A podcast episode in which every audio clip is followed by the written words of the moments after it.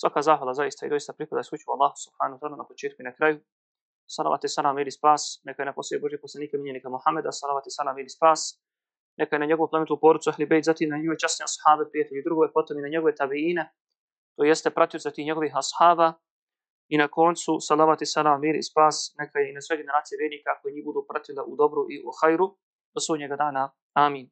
Poštovana braćo, cijenje vjernice, Allahovi robovi, assalamu alaikum wa rahmetullahi ta'ala wa barakatuh. Tema današnje hutbe, inša Allahu ta'ala, jeste izbjegavanje Kur'ana. S obzirom da za neki 20 i kusur dana dolazi nam u goste mjesec Kur'ana, Ramazan i Šerif, to jeste mjesec u kojem je počelo objavljivanje Kur'ana. A Kur'an je uputa. Šehru Ramadana lezi unzina fihi l-Kur'an. Hudan lin nasi koji je uputa ljudima. Kada kupite mikrovalnu peć, kupite telefon, kupite auto, kupite veš mašinu, mašinu za suđe, jel da dođe tamo oni papiri neki.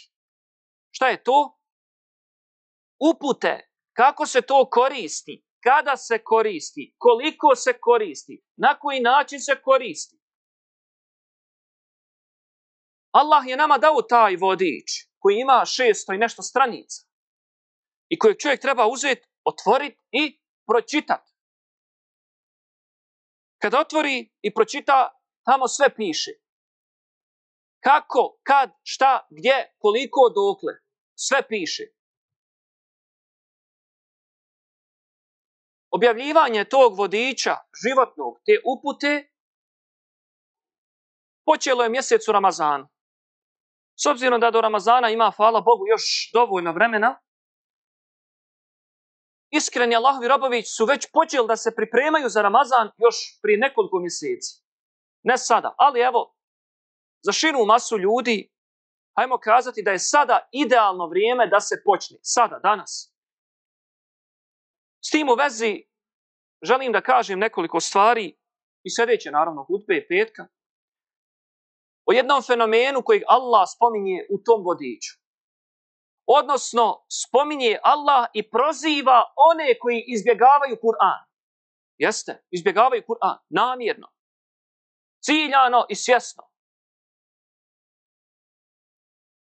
Od Enasa ibn Malika se prenosi da je Allah uposlanik sallallahu alaihi wa sallam rekao Inna lillahi ahlina min khalqih Ker zaista Allah među ljudima ima, kaže, ima svoju porodicu, ima čeljad među njegovim stvorenjem. Rekao še sahabi, wa men hum ja rasul, a ko su to, kaže Allahu poslaniče? Ko to može biti Allahova porodica među ljudima? Na što Allahu poslanik alihi salatu wasalam odgovori Ehlul Kur'an hum ehlul Allahi wa khasatu. Kaže to su oni koji se bave Kur'anom. Koji se bave Kur'anom. Čitaju, proučavaju, razmišljaju i tako dalje. Kaže oni su Allahova čeljad. I oni su Allahovo odabrano društvo. Uži krug jarana i drugova Allaha dželle ve Hadis zabilježio imam Nesa i u svome dijelu Esunenu Kubra i drugi. U drugom hadisu od Aisha supruge Allahu poslanika alaihi salatu wassalam je došlo da je Allahu poslanika alaihi salatu wassalam rekao El mahiru bil Qur'ani me as seferatil kiramin berarah Kaže, onaj ko vješto uči Kur'an će biti sa melekima, čuvarima, pisarima, plemenitima. Neće biti tamo sa svakim, ne, ne. Biće u društvu meleka plemenitih. Ali kaže, وَالَّذِي يَقْرَعُ الْقُرْآنَ وَيَتَتَعْتَعُ Međutim, onaj koji uči Kur'an, ispotiće se teškomu, griješi, pa se isprlja, pa se korije, pa se oznoji, pa uzdahne, pa ne ide, pa šetan priđe, pa i tako dalje, kaže, Allahu poslanik lehu ajran. On kaže ima dvije nagrade. On ima dvije nagrade.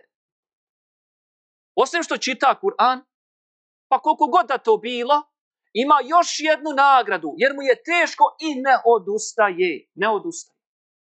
On ima, ima dvije nagrade. Hadis zabiježu ima muslim u svome sahihu i drugi. Kur'an, o Kur'anu su braćo knjige napisane. Znači, sada da krenemo zaista samo o Kur'anu, što je rečeno u Kur'anu, trebalo bi nam 20-30 hudbi. Tako nije nam to cilj. Ali evo samo nekoliko veoma bitnih stvari. Jedna od stvari koju ćete naći kad otvorite tu, tu knjigu, taj vodi česte, da je razlog sretnog ili nesretnog života na oba dva svijeta upravo rad po Kur'anu, odnosno nerad, odnosno nerad po Kur'anu. Naime, sam Allah, Jalla wa Ala, kaže u Kur'ani Kerimu, u suri Taha, fa ima jatijennekum minni hudan fa mani tebaa hudaje fa la jadidu wa la jaska. Kaže Allah, kaže, od mene će vam dolaziti uputa. A onaj ko bude slijedio moju uputu, neće zalutati sa jedne strane i neće neće tužan ostati. Neće tužan ostati. Neće nesretan ostati. Pazite. Allah će ga uputiti, dakle neće biti na zabudi sa jedne strane, sa druge strane neće biti nesretan i tužan. A onda kaže uzvišeni dalje, وَمَنْ أَعْرَضَ عَنْ ذِكْرِ فَإِنَّ لَهُ مَعِيشَةً ضَنْكَ وَنَحْشُرُهُ يَوْمِ الْقِيَامَةِ أَعْمَ Međutim, onaj ko okrene leđa i lice mome Kur'anu, to jeste metaforički kazano, ne usmjerava se ka Kur'anu, nego lice okreće prema Dunjaluku, prema poslu, autu, telefonu, lice mu od 24 sahata, 16 sati okrenuto prema telefonu. A prema Kur'anu, ništa. Prema Kur'anu leđa.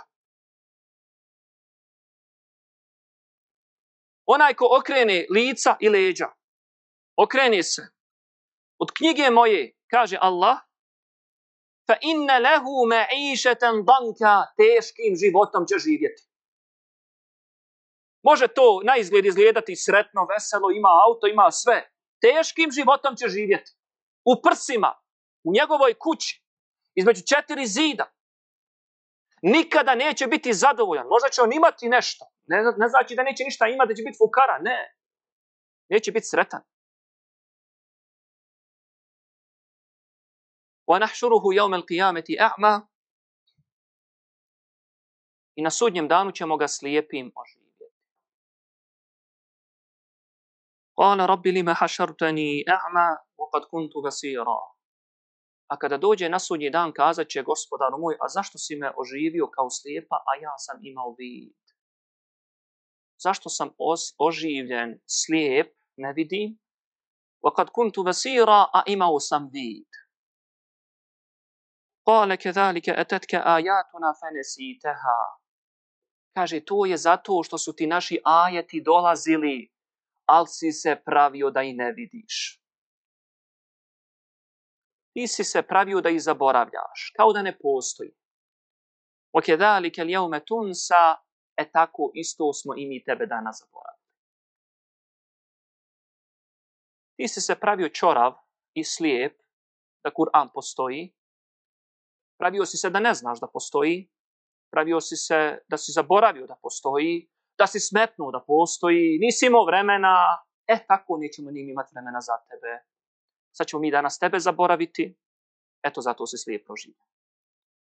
وكذلك نجزي من أسرف ولم يؤمن بآيات ربه Eto tako ćemo mi kazniti sve one koji se pohotama i požudama previše odaju i u dokaze gospodara svoga ne povjeruju. Vana adabu l'ahirati ešeddu ebuka, a patnja na onome drugome svijetu bit će u istinu bolnija i bit će vječna. Prijevod značenja sure Taha od 123. do 127. ajeta.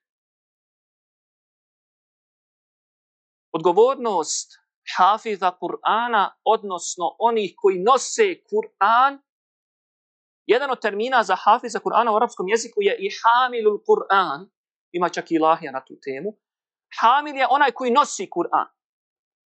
Da li ga nosi u prsima ili ga nosi u praksi, može biti jedno i drugo. Ali oni koji nose Kur'an, prvenstveno svojim prsima, a onda i u svojim dijelima, njihova odgovornost je velika.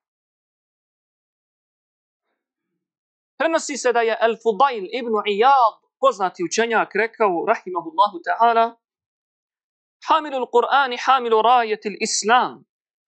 Kaže, nositelj Kur'ana, on nosi bajrak Islama. On nosi, braću, ustav. Kur'an je ustav muslimana.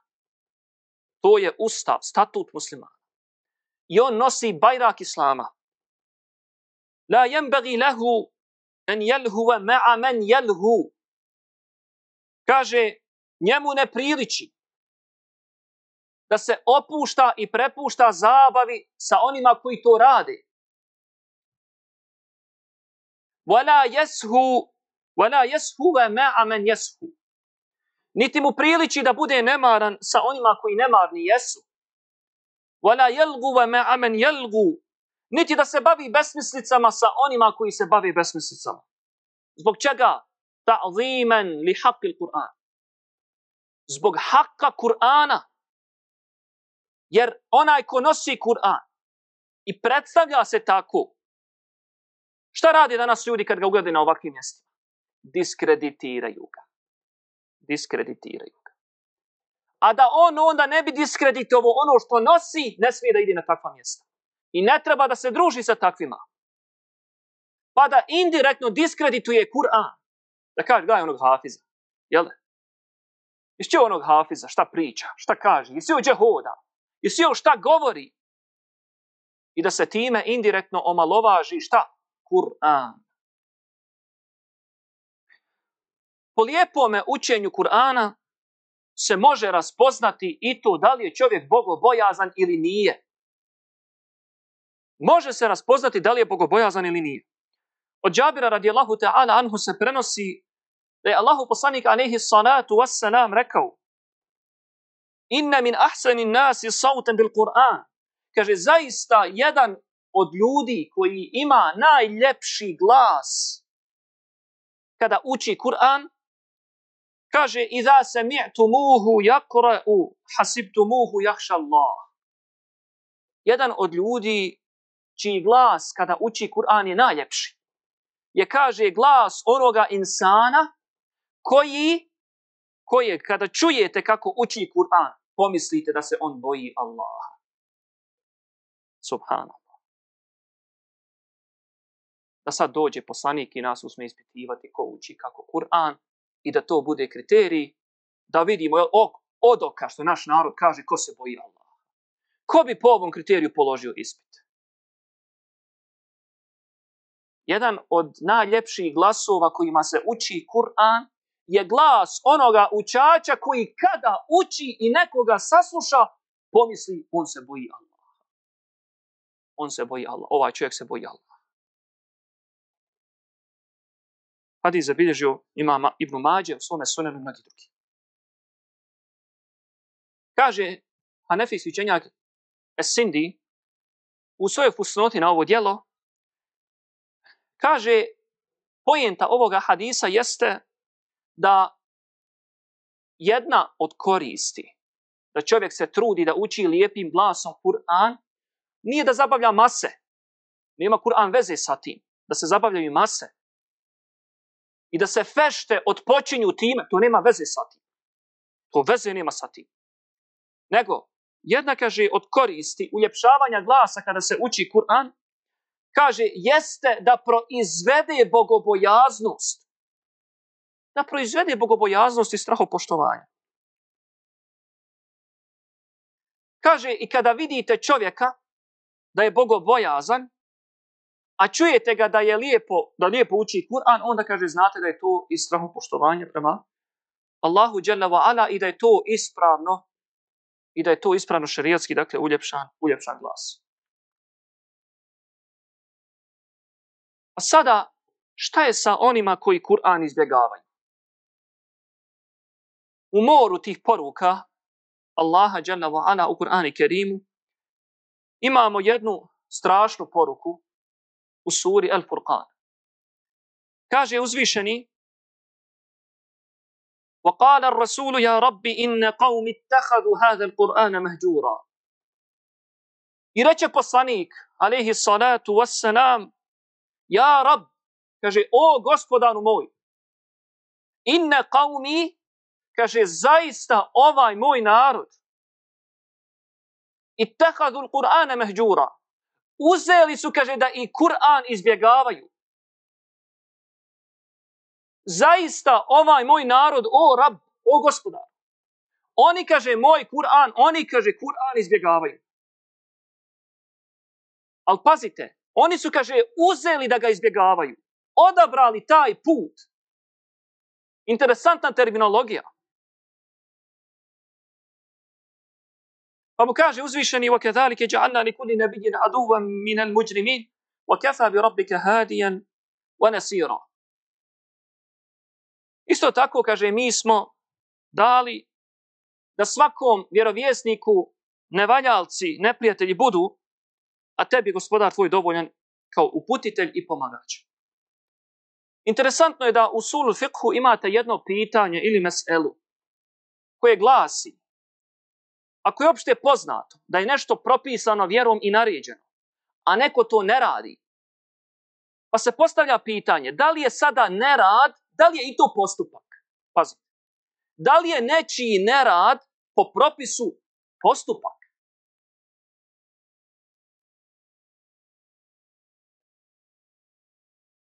Da li je ostavljanje Kur'ana postupak? Ko nisu ništa uradio. Ne izvršava propise, kaže on, nisu ništa uradio. Kao on ne vidio, čist. Ispravno je da je ostavljanje izvršenja naredbe, odnosno ne izvršenje naredbe, je također postupak. I to nešto govori. I to je i to spada u dijelo. Dakle, ovdje je pitanje, je li to dijelo? I može da čovjek da kaže, ja ništa nisam kaže, pogriješio, ništa nisam skrivio, ili nisam kao ništa pogrešno uradio, jer kao nije ništa uradio. Upravo to da ništa ne uradiš, a trebao si uraditi i bio pozvan, i to je postupak, i to je dijelo, i to je čin, i to je, i to je rad, samo što se zove nerad. Zato je ovdje uzvišeni rekao, pazite, i tehadu. Oni su, kaže, uzeli odabrali, odlučili da Kur'an izbjegavaju. Odnosno mehđura da ga ostave napušteni. Kakva korist imaš Kur'an kod kuće i na polcama stoji? Taj Kur'an je napušten od strane tebe koji ga ne čitaš. Je li tako? Dakle, on je napušten. On je ostavljen od strane onoga koga ne čitaš.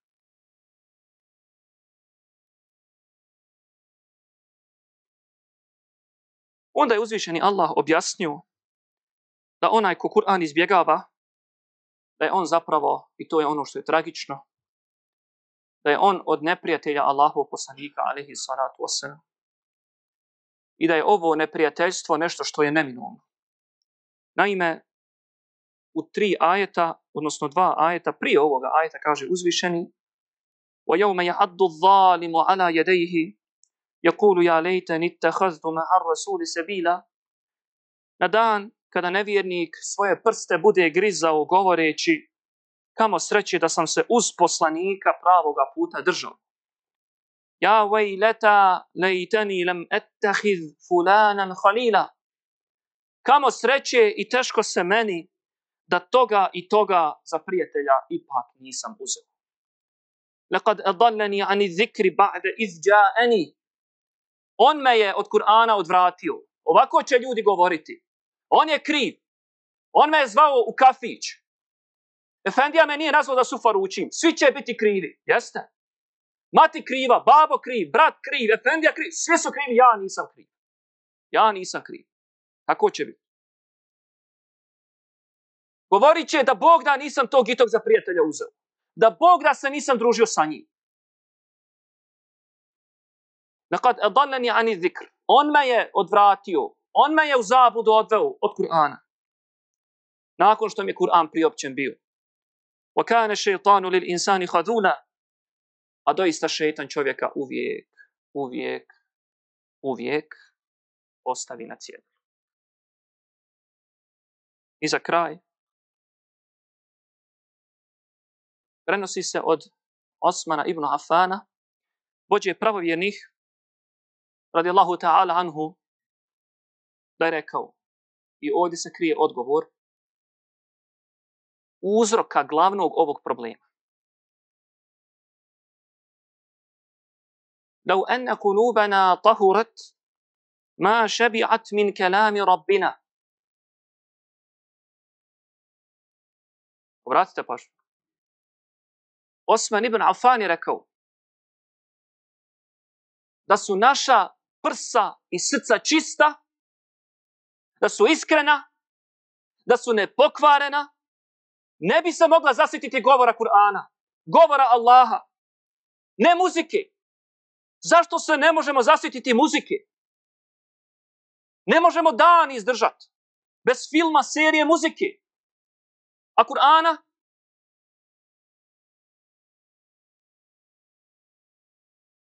Da su nam srca čista, kaže Osman ibn Affan, ne bi se mogla zasititi.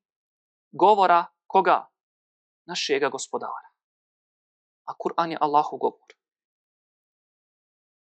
I kaže dalje Osman ibn Affan, kaže ja mrzim. Mrzim da me prođe dan, a da nisam pogledao u mushaf. To jeste da nisam nešto od mushafa pročito. Kaže, mrzim to, prezirim to. I kaže prenosilac ove predaje, a onda je Osman ibn Affan preselio sa ovoga svijeta, kaže, a Kur'an njegov se poderu od, od upotrebe korištenja i čitanja i mnoštva gledanja u njegu. S tim u vezi, zabilježio sam i jednu izreku našeg kura Hafiza, magistra Đevada, Efendije Gološa, koji jedne prilike za Kur'an rekao, kaže, čovjek uzme Kur'an, da ga uči, i kaže, uči ga 10, 5, 10, 15 minuta, ili pola sahata. Međutim, međutim, i to mu teško. Teško mu, puno mu, dosadno mu. Pri tome čovjek fizički može da radi, može da kopa pet, šest ili sedam sati shodno svojoj snazi. Međutim, kada uzme Kur'an, ne može da izdrži ni pola sahata. Zašto? Zašto? Kaže Kura Hafiz Džavad Gološ, zato što je to pitanje srca. Ako srce valja, valja će i ostalo. Ako ne valja srce, ne može i gotovo. Fizički čovjek može da rinta 50 sati. Ali ako je srce slijepo, ako je Allah stavio koprenu, koprenu, pa srce ne može da vidi, nema ništa gore kad je srce u grudima slijepo. Ne oči, nego srce u grudima. Molimo Allaha Đanavala da nam očisti naša srca u oči mjeseca Ramazana, da skrini koprene ispred naših srca, da progledamo, da, ponak, da nam pokaže istinu istinu i da nas učini od sedbenika istinu, a da nam laž i prevaru i obmanu i sve sve sa šeitana pokaže kao takvima, a ne da nam ih uljepša šeitan i da nas učini od onih koji će se toga poniti. Amin, ja rabbi, amin. بارك الله لي ولكم في القرآن العظيم ونفعني الله وإياكم بما فيه من الآيات وذكر الحكيم أقول قولي هذا وأستغفر الله لي ولكم فاستغفروه إنه هو الغفور الرحيم واذكروا الله يذكركم واشكروه على نعمه يزدكم ولذكر الله أكبر والله يعلم ما تصنعون